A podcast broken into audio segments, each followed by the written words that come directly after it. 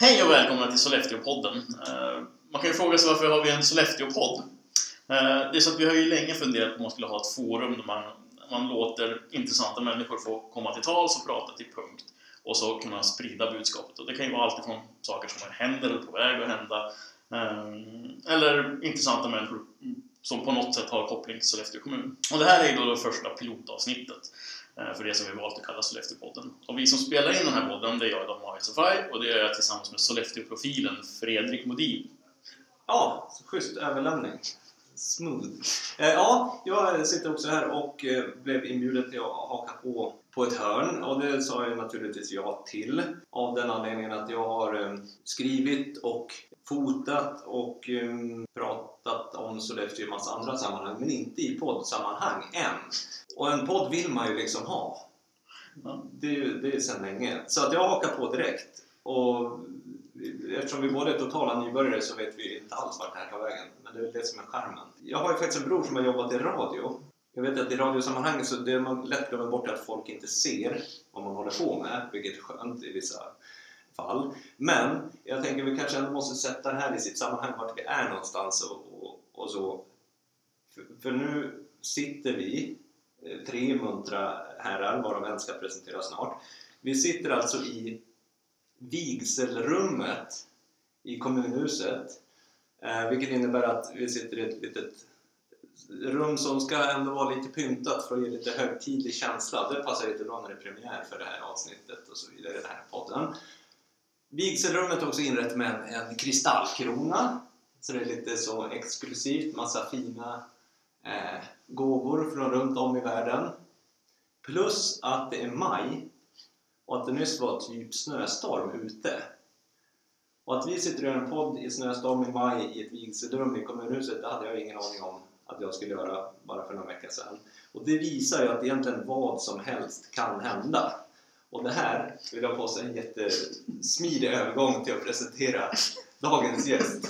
Eftersom, take it away, vem har vi här? Först ut idag är ju då Nils-Olof Nilsson som jobbar som beredskapssamordnare på Sollefteå kommun. Välkommen! Tack så mycket. Och tack för att du är med i experimentet. Ja. Eh, Vi ska strax prata om krisberedskap, men du får gärna berätta lite om dig själv ja, jag bor här i Sollefteå utanför i Västerstinne och har fru och barn och eh, massor med fritidsintressen inom idrott, skidor och fotboll och sådär. Så det är väl korthet jag som person. Och så innan vi går in på de här riktigt tunga frågorna så har vi bestämt att vi ska ha ett segment med lite enklare, eller lite enklare, roliga frågor. Och eftersom vi är i ett vigselrum Ja, jag tänkte också Så det. att passar det är det. bra. så passar det bra för att jag har hämtat de här fem frågorna från en dating-sajt. Så de här är fem frågor som man ska ställa på första dejten. Okej. Och har du tur så har vi en vigselförrättare som standby. Nu är det ju klart flera år tillbaka. Det gäller att du svarar rätt på de här frågorna. Precis. Känner om det här känns bra lite. Då börjar vi med första frågan. Om Ja. du fick äta middag med vem som helst i världen, vem skulle du? Ja, jag skulle nog välja någon stor ledare, men eh, kanske inte någon sån där jätteomtyckt, bara för att förstå hur de tänker. Så den första som dyker upp, det är ju Donald Trump.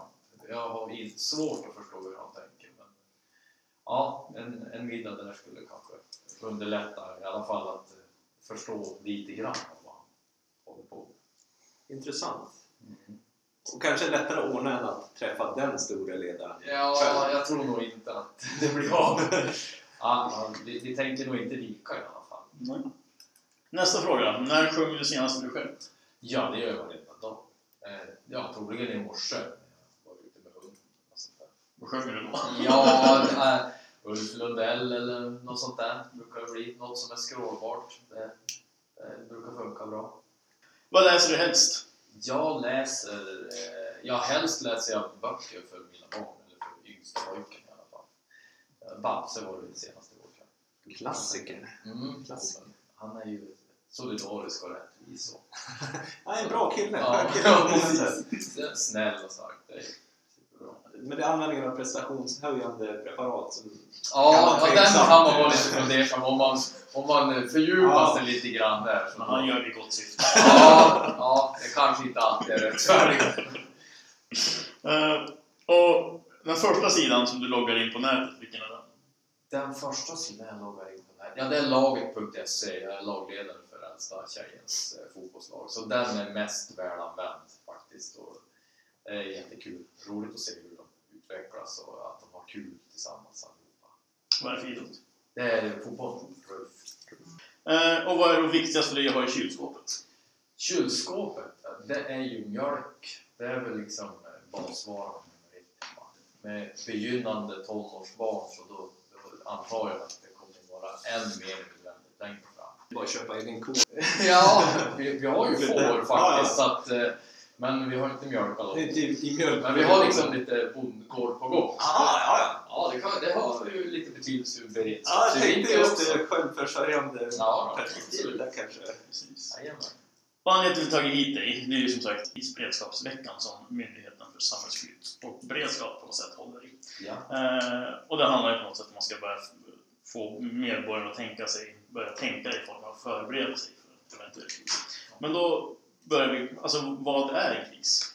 Ja, alltså ur det här perspektivet, ur, ur så att säga samhällsperspektiv, då är det ju någonting som stör samhällsfunktioner som är viktiga, typ eh, vatten, telefon, el, transporter eller matförsörjning eller så. Och, och så att säga att det blir en kris för en, eh, en enskild individ eller en familj, det beror ju så mycket på vad man har för resurser och sådär. Men en kris är, kort beskrivet ur det här perspektivet, en, en störning av viktiga samhällsfunktioner.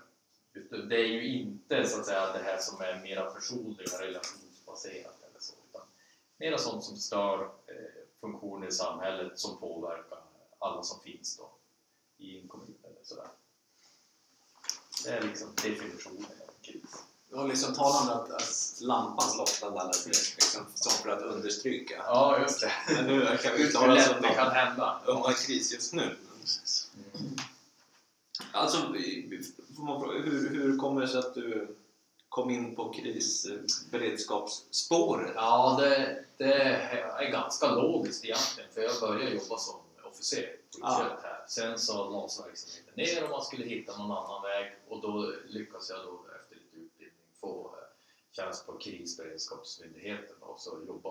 Fanns eh, här i Sollefteå, Ja, lades också ner Ja, och sen har jag jobbat på eh, Sandö då, på Myndigheten för samhällsskydd och beredskap och arbetar med mycket krishanteringskunskap, utbildning då, hur, hur det är tänkt att fungera på samhällsnivå. Ja, just det. Så här nu som eh, beredskapssamordnare på kommun, då blir det ju mera hands-on hur vi som kommun, själva organisationen här och eh, kommunen i helhet då, ska Mm. hantera händelser inträffar. Ja, Jag har ju tu- tusen frågor på, på det där. Ja. Ja, alltså nu pratar vi om man pratar på den nivån med, med alltså kommunnivå.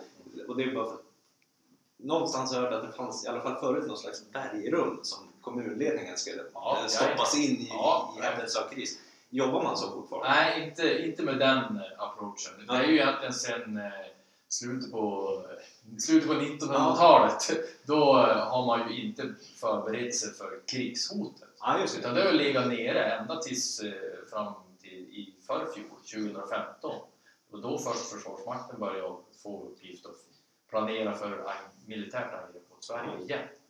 Så att det här, den här veckan har ju inte bara med det att göra, men, men har ju en viss koppling till liksom den minskning av kunskap som finns kring beredskapsfrågor hos folk i allmänhet. Då.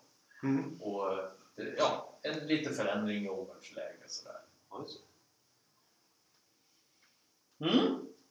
Och då börjar jag på men hur, ska, hur ska man som enskild tänka på i tider av kris? Um, alltså hur, hur länge ska man klara sig själv? Eller hur mycket ska man förlita sig på någon annan?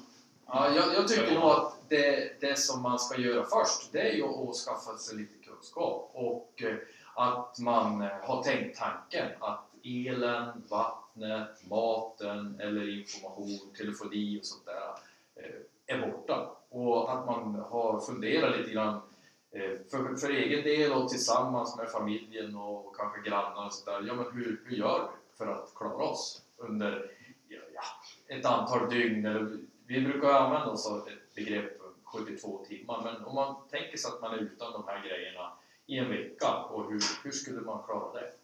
och eh, förbereda sig lite grann. Det finns mycket information på, på nätet om man googlar på liksom krisberedskap och sådär. Om man går in på krisinformation.se eller 11313.se. Så det finns eh, ganska många platser med mycket information. För det är klart man ska förbereda sig. Men vart går gränsen mellan att man är lite förberedd och man, att man blir en sån här som har en hel bunker? Ja, prepper som liksom har konserver för en livstid nere i någon källare och sådär. Vi kan väl utgå från mig själv då? Ja, ja, det- det- det kan är vi bra. göra. Det För att, eh, alltså, det beror ju också mycket på vad man kan göra beroende på om man bor i, i villa, radhus eller vilken uppvärmning man har eller sådär. Eller om man bor i ett flerfamiljshus och det kanske ny i liksom, familjebindningar eller sådär. Så det, det skiljer sig jättemycket. Men om vi tar eh, eh, mig som utgångspunkt. Vi bor i villa, eh, vi har vedspis, vi har kakelugnar. Det kan man ju liksom inte bara bygga in utan det hängde med på köpet och sådär. Eh, jag har ett gammalt friluftsintresse så jag har ju mycket prylar på det viset. Så, så känner man, eller vi känner oss lite förberedda Mm. på det. Vi har inte byggt upp något krislager eller en, någon låda liksom som Nej. tänker oss att vi ska plocka fram. Men, men ett välfyllt skafferi och eh, eh, potatis i jordkällaren. Eh, vi har ju till och med får som lever och vandrar just där. kan man läsa de, de, kan man leva på om det krisar till sig. Och så sen en hyfsad eh, tillgång på vatten och, i vattenföreningen. Så, Mm. ja, men, plus ja, men, bil är ju jättebra.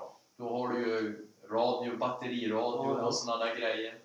Och du kan ju så att säga ta det dit det inte är kris om Mm. det skulle gå. Övik. Så att, ja, ja, men det, det är ju en väldig möjlighet. Men vi har ju som ingen plan sådär. Sen, vi, sen har vi liksom sommarstuga i släkten man kan åka till och sådär om det skulle vara något problem. Men, men jag, jag vill ju ändå inte se mig själv som någon prepper. Nej, nej.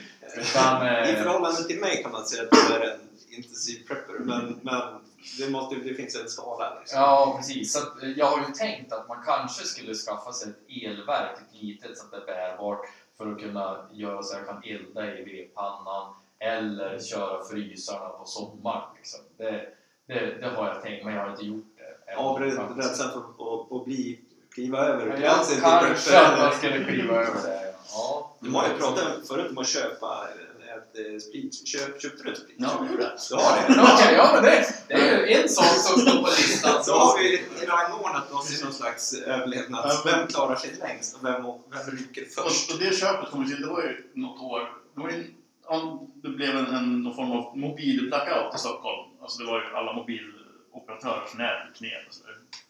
Det var inte så här jättelänge, det var tre, fyra timmar. Men jag vet att det var ju en sån här dag där det var förmodligen lite tråkigt på redaktionen. Alla, alla körde på första sidan, Aftonbladet, Expressen, mobilnätet ligger nere, kaos och sådär. Eh, och sen så kommer jag ihåg en intervju med någon, som Sveriges Radio gjorde med kvinna i Stockholm som nästan grät av hur hemskt det här var för att de var utanför, utan mobilen. Och då kände jag, själv kan jag börja känna, men shit, nu är jag på den nivån. Och så börjar man själv tänka, vad har vi? Och då, då jag köpt den. och det var det enda i köpet som jag, jag har gjort i Istället för att titta på mobilen så kan du elda och titta på lågan. Ja, alltså, det- och det var inte så att någonting annat var nere, utan det var ju som sagt, det var mobiltelefonerna, det var så här, bussarna gick och tunnelbanan och sådär. Men det var mobilerna funkade inte, det var den största krisen någonsin. Så Ja, okej. det var då jag bestämde mig för att köpa ett Ja, men men om, man, om man vill liksom börja någonstans så då, då är det bäst att börja och liksom, eh, googla lite grann på krigslåda eller sådär och, eh, och fylla på egentligen med någonting. Det, det tycker jag väl är starten. Det är inte så svårt att eh, liksom, klara ut vad man kan behöva. Utan för att klara värmen kan du behöva eh, förstå hur uppvärmningen går till så att du kan eh, eh, liksom, ha kunskap om hur, hur snabbt det går att laga eller sådär. Och så mat, ja det har man lite, lite påfyllning så då, då funkar det nog ett tag. Lite laddade powerbanks och batteridriven radio för att få ta del av information utan att man vill. Det funkar bra. Det, eller det är bra att ha. Och sen eh, inomhus får man väl göra om värmen är borta länge. Ja, Just det där med att, att värmen lägger av när det strömmar det, det, har, det, det är ju ett bekymmer. Ja. Alltså, Ja, om man inte tänker efter. Ja, ja men vi, nu har vi kamin hemma som vi har satt in, men, men något år var det ju så att det var något dygn i alla fall. Men, men det är ju lite svalt och så försöker man inte låtsas om det så mycket. Men, men till slut så kommer man ju på att men det blir ju inget varmt vatten i duschen heller. Det Nej. här är ju ändå ett litet bekymmer. Och så det var ju tur det var inte så kallt ute men sådär, men hade det varit 30 minus och det här är två dygn då börjar det gå sönder. Och sen, det, det som jag också skulle vilja trycka på det är ju alla som driver företag eller andra verksamheter. Att man, man gör liksom en sån här, eh, ja både tänker tanken och kanske också skapar någon sorts plan faktiskt för att eh, det inte finns eh, IT-försörjning. Man har inte internet, man har inte vatten. Kanske även ta med aspekten av att många i personalen är, sjuka och borta. Ja. Så att man har lite plan, plan, planer för det då helt enkelt. Ja, det är därför för just nät, idag är man ju så beroende av ja, liksom uppkoppling för saker. Man kan inte koka ett ägg utan att kolla receptet på köket.se. Liksom. Då, eh, då tänker man att ja, men okej, nu är det strömavbrott så, så mina grejer hemma i huset gick sönder, eller gick ner. Men mobilnätet funkar ju alltid. Men så, så är det ju bevisligen inte då. Då, då just det att man kollar, men hur länge är det strömavbrott? Ja, man kollar Eons hemsida och så vidare. Det, när man hamnar där att man inte kan kolla upp saker, då blir man ju faktiskt lite... Ja, sen kommer ju alla som, alla som har, har fått störningar, om vi tar elen till exempel, eller telebolag, de går ju jobba för fullt för att få det att funka igen. Så att det kan man ju förlita sig på att de kämpar på för. Mm.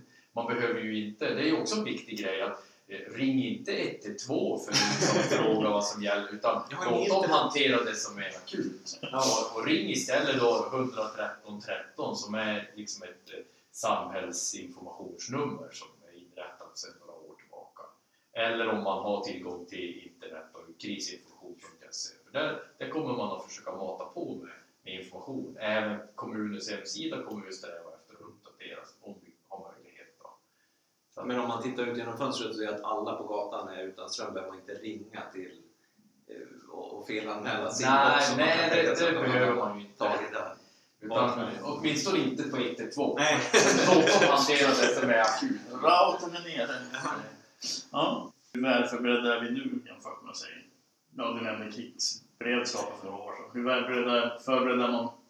Ja, alla, alla offentliga instanser, liksom kommuner, myndigheter, har ju krav på sig att, eh, att ha liksom en krisorganisation och en förmåga att börja jobba med, med, det, med sin, sin verksamhet. Eh, vi, vi har väl ganska god förmåga, tycker jag, att eh, utbyta information mellan varandra på myndighetsfronten. Eh, Det är ju jätteskillnad sedan 2004. Man har ju gjort mycket åtgärder sedan efter tsunami. Då, Mm. då man hade stor brist på information, brist på organisation och så. Så att efter det tillkom ju flera lagar, bland annat den som styr kommunens beredskap. Och även krav att man ska vara tillgänglig dygnet runt då, via något som kallas för tjänsteman i beredskap. Och det, det kravet finns inte på kommunen, men vi har, vi har sett till att vi, Vi har ju vaken. Ja, nästan. Men, men vi har i alla fall en, en, liksom en beredskap för det att sätta igång så snabbt som möjligt. Och även myndigheter och olika organisationer.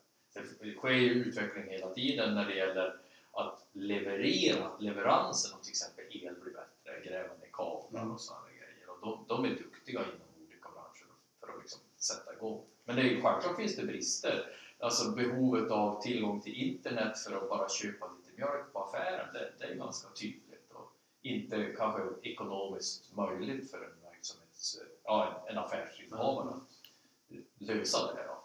Så det finns men- bättringspotential, det finns det. Ja, det var ju lite stök när det var ju också något strömavbrott. Var det i somras eller någonting? När man inte kunde handla så, ja men för att systemen går, ja men de kan inte ta betalt för grejer. Och. Hur länge klarar sig kylarna utan eh, ström? För att det är väl någon backup ibland men Och då får ju liksom den som är affärsinnehavare väga ja, kostnad, nytta och sådär. Men så, så det vore ju en bra förberedelse att faktiskt titta över sin verksamhet och kunna driva den även utan el och utan telefoni och IT. För annars är det ju som man, man, och sen är det just att man kanske måste ta samma privat hemma själv och ta man tänker annars att man ringer väl kommunen. kommunen har inte fixat något vatten när vattnet slutar funka men, men det är ganska smart att eh, ha någon slags egen Ja, liten plan. och det ska man ju också veta att eh, de som prioriteras om det blir så här bortfall, det är ju de som så att säga är svagast. De som redan bor på äldreboende eller har hemtjänst. Så sådana, sådana prioriterar ju kommunen att man ska leverera det man har lovat Mm. först. Och räddningstjänstinsatser och sånt där, det går ju dit det är akut behov. Och till exempel en stor översvämning som drabbar många källare, det, det går ju liksom inte att hjälpa allihopa. Nej. Men däremot om det skulle drabba en, ja då kanske man har resurser. Så att eh, man måste ha lite förståelse för det att eh, prioriteringen blir ju den att de svagaste eller de som har ja, minst resurser Mm. att eh, lösa problemen själva. Och därav den här veckan egentligen, att få upp ögonen för alla. Ja. Att bygga upp en liten beredskap själv. Men om du får nu säga att, ja, rangordna tänkte du behöver inte göra, men alltså, vi, en kris, vi kanske inte ska alla förbereda oss för att kriget kommer, men alltså vilken kris bör man på något sätt vara bäst förberedd för? Ja, alltså det finns ju risk att jag kan få vissa leverantörer på mig om jag skulle börja rangordna så här. Men, men alltså, eh, ja men eh, elbortfall, telebortfall, att det händer någonting med vattnet, att det inte finns vatten eller att vattnet inte går att använda. Ja men det är väl, det är väl rimligt att man kan eh, försöka komma på lite lösningar för att, så att säga, slippa bli drabbad av det då, för mycket. Då. Sen med det sagt så är det ju inte så att vi har dålig leveranssäkerhet på de här Men det de gånger det har varit något så ordnar det sig ju ganska relativt fort. Ja, ja visst. Och eh, har man då eget vatten eller något sånt där, då, då måste man ju tänka på det själv. Det blir Mm. så att man kanske får fixa lite eh, reservkraft på vattenpumpar eller sådär. Det finns ju en- risk när man, när man nämner krisberedskap så går ju tankarna genast på liksom Hällbydammen kommer raseras eller ja, vi kommer att bli anfallna av marsianer eller vad det kan vara. Alltså det blir ju så pass mycket större och så tänker man inte oftast på de här små kriserna som man tänkte säga, genomlider med jämna mellanrum. Men som ändå händer ofta, till exempel att elen försvinner. Men, och om den försvinner så kanske det inte tar längre än 3-4 timmar innan den kommer tillbaka. Eh, som det kanske vanligast fall gör, att det, går, det tar någon timme. Men det kan hända att det tar 24 timmar. Liksom, så det, det är de kriserna man inte riktigt tänker på när någon säger krigsberedskap. Utan man börjar tänka på nu kommer pansarvagnarna. Liksom. Hur ska Ja. förbereda inför det? Och ska jag bygga en tror- källare? Och, Jag tror att vi kommer ha ganska hyfsad förvarning innan något sånt skulle hända. Det, det, det kommer vi att eh, kunna förbereda oss lite bättre. Ja. Så det är inte det som, som eh, vi vill måla upp med den här krisberedskapsveckan heller, utan eh, bara få folk att tänka till lite grann på eh, små vardagliga eh, förändringar av leveranser i de här olika systemen.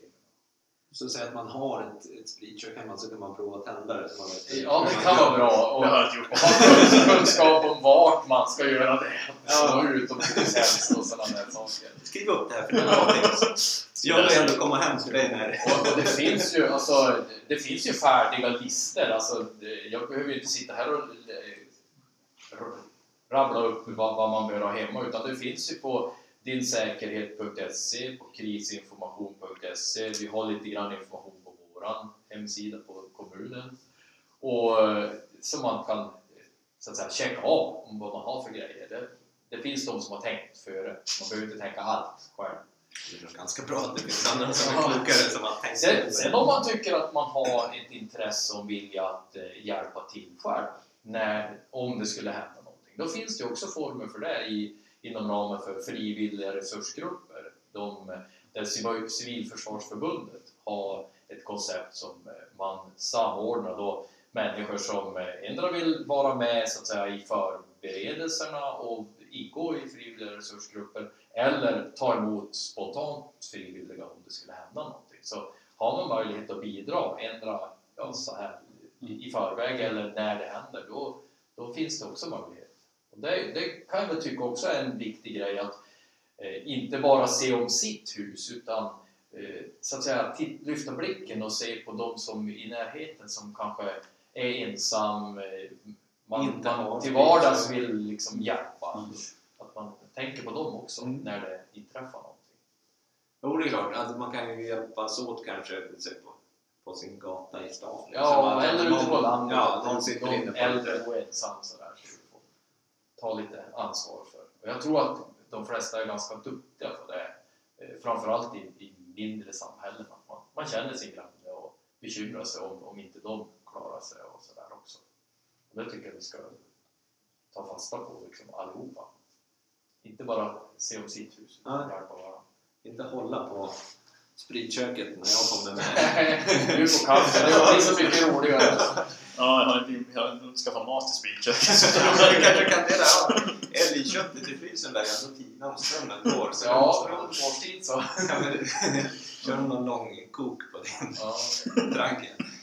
Ja, men det är väldigt bra, för, för sånt där, man, man, ja, ja, jag kan bara prata för mig själv, men jag tänker ju det minsta på, på sånt här. Till vardags. Och Vi har ändå, eh, skulle det i mån av att pansarvagnarna faktiskt kommer så har ju vi skyddsrum hemma, för vårt garage är skyddsrum. Eh, så det, jag, jag har ju liksom någonstans att hålla till, men sen, Ja, sen finns det inte mycket mer. Ja, jag tror Frågan är att... hur smart det är att säga det offentligt. Jag har ett skyddsrum. Ja, men jag tar beställningen på ståplats från... Nej, men man, man, man tänker ju, tar ju för givet att saker och ting funkar. Ja. Och går strömmen så är den alltså någon timme bort förmodligen. Eh, någonting som är viktigt också det är ju att om, om vi skulle drabbas av långvariga liksom, påfrestningar, att det är storm eller snöoväder eller någonting, det är ju att alltså, strävan ska ju alltid vara att man så att säga, gör det man alltid gör. Att man åker till jobbet, skjutsar barnen till skolan, att allting är öppet. Att, eh, för att eh, annars är det ju risk att det blir liksom tungt för de som lyckas ta sig till jobbet inom äldrevården. Ja, ja. Så att just att, att driv, få ett eh, driv att samhället ska fungera så som det gör till vardags, det, det är viktigt. Och, och s- så tänker alla verksamhetsutövare. Det är något som någonstans vi övat inom kommunen så är det ju också någon form av förutsättning om en del verksamheter fungerar. Liksom. Alltså, det är svårt för brandmannen kanske att ta sig till jobbet om förskolan är helt stängd och det finns ingen som lämnar barn. Alltså, det, Ja, det finns ju- inte eller precis, så det finns ju en hel kedja på något sätt som måste funka. Det är ändå skönt att höra att det har tänkts på. Eftersom... Det, där, det där har jag ju aldrig reflekterat över heller. Liksom. Men... Ja, det är ju Jo, men den, den principen finns ju liksom inbyggd i, i, i hela Mm. samhället. Så krisberedskap är ju inget speciellt, utan det är ju egentligen att de verksamheter som bedrivs till vardags ska fortsätta att fungera så på samma sätt, oavsett vad som händer egentligen. Så det, den principen, eller utgångspunkten, skiljer sig lite grann från det gamla totalförsvaret, Mm. där alla eh, var så att säga, krigsplacerade och sånt där. Det, det, har vi, det har vi inte just nu. Det är på väg att utvecklas en viss krigsplacering för vissa eh, typer av tjänster och sånt där. Men, men det kommer ju också bygga på samma princip att den, det är där du är i vardagen, där ska du vara om det blir kris eller kanske till och med krig. Då. Men det. det, har ju bara påbörjats, Ja. krigsplaneringen. Den är liksom i sin linda bara. Härligt! Det kändes som att vi håller på att dra över tiden eh, till och med. Då får vi tacka för det, tacka för det Nils och tack för att du ställde upp och Ja. fick Kul! prata med dig om det här. Ja, det är ett viktigt ämne. Jag tycker att eh, vi, vi kan i alla fall tänka och prata om det här med varandra där vi träffas i olika former. Tack så mycket! Ja, tack. Tack! Ja, men då har vi kommit till poddens andra och ja, sista del och då ska vi höra Fredrik, a.k.a. Soleftio, tipsa om fem bra saker man kan göra i Sollefteå. Ja, det tänker jag göra. Eh, Och nu är det ju maj. Har vi ju pratat om tidigare att det är fortfarande snöstorm i maj, så det är inte maj som vi är vana. Men jag ska ändå bränna av några bra tips på vad man kan göra i maj. Ehm, spring! För tusan. Ehm, vi har ju jättemycket bra ställen att springa på. Framförallt har vi ju nipor. Och jag, det här är ju bara för att få säga att jag sprang min första mil, mil häromdagen. Och, och det gick jättebra. Så därför, egentligen, det, det räcker väl med det. Nej men spring! Dessutom är det så att NIP-trailen går av stapeln på nationaldagen, vilket inte är maj, men man är, det är juni. Men träna och spring NIP-trailen för jag tror att det blir jätteroligt. Ska du springa? Jag ska springa, eh, har jag sagt. Och nu har jag, jag har ju sprungit en mil, som jag kanske nämnde tidigare. Så att, eh, kör. Jag tycker alla ska vara med på NIP Trailer. Man kan ju faktiskt gå när det är jobbigt. Sen har jag ju tips, och det här, det här förutsätter att vädrets makter ändrar lite på sig, men ät på uteserveringar. Men det är ändå trevligt att gå igenom gågatan nu och se att, att det börjar byggas ganska rejält. Eh, Kajsas uppe i Bolagsbacken har ju byggt om sin uteservering och gjort den större och Appelbergs eh, är ju äntligen på gång igen. Och där har det också byggts ganska intensivt. Så det är en stark rekommendation. Sen så vet jag att Janne Rölander, nu är vi ute i friluftsarenan, men Janne Rölander har ju på och dragit ihop någon slags paddla på älven-grej. Ehm, som, som liksom den som nu förutsätter att man har kajak eller kanot eller någonting sånt. Men, men det lät som en kul grej. Man kan säkert låna någon. Ehm, så haka på det, eller Sportringens eh, satsning på att bjuda in folk och följa med och cykla eller simma och så här. Prova, vi har ju mycket natur att att rulla runt i på olika sätt under ordnade former. Sen vill jag tipsa om filmfestivalen som är mm, den här helgen. 13 och 14. 13-14, man kan se både stort och, och smått. Ehm, Det är ju lite storfilmer som man kan se på NIP-hallen, i NIP-hallen på storbildsskärm och ha liksom picknick och grejer inne i en ishall. Det har man ju inte gjort förut. Så det är ett tips. Sen vill jag ju slå ett extra slag för att Tove Novén visar en förhands på sin film Bråte och det är min kusin så att det är väl lite jävla här men jag tror att den kommer bli svinbra. Hon kommer hit också. Hon kommer hit Hon kommer hit och ska pr- prata lite om filmen också innan den visas. Ja, vad roligt. Det där tror jag kan bli riktigt bra. Det är ju ett eh, konstnärligt gäng, hela den familjen, så att, eh, det tror jag blir bra.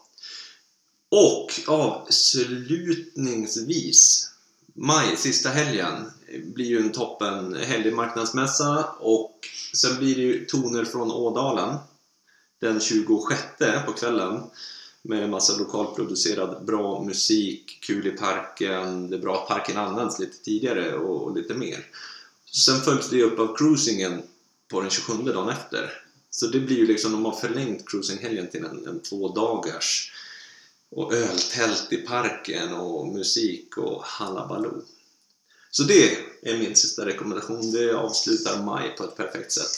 Härligt. Och eftersom du ändå var inne och nallade i juni och jag misstänker att vi kanske inte hinner göra en till sån här till då, så kan ju tipsa om djurparken eh, den 10 juni eh, som är då gratis inträde för alla Sollefteåbor.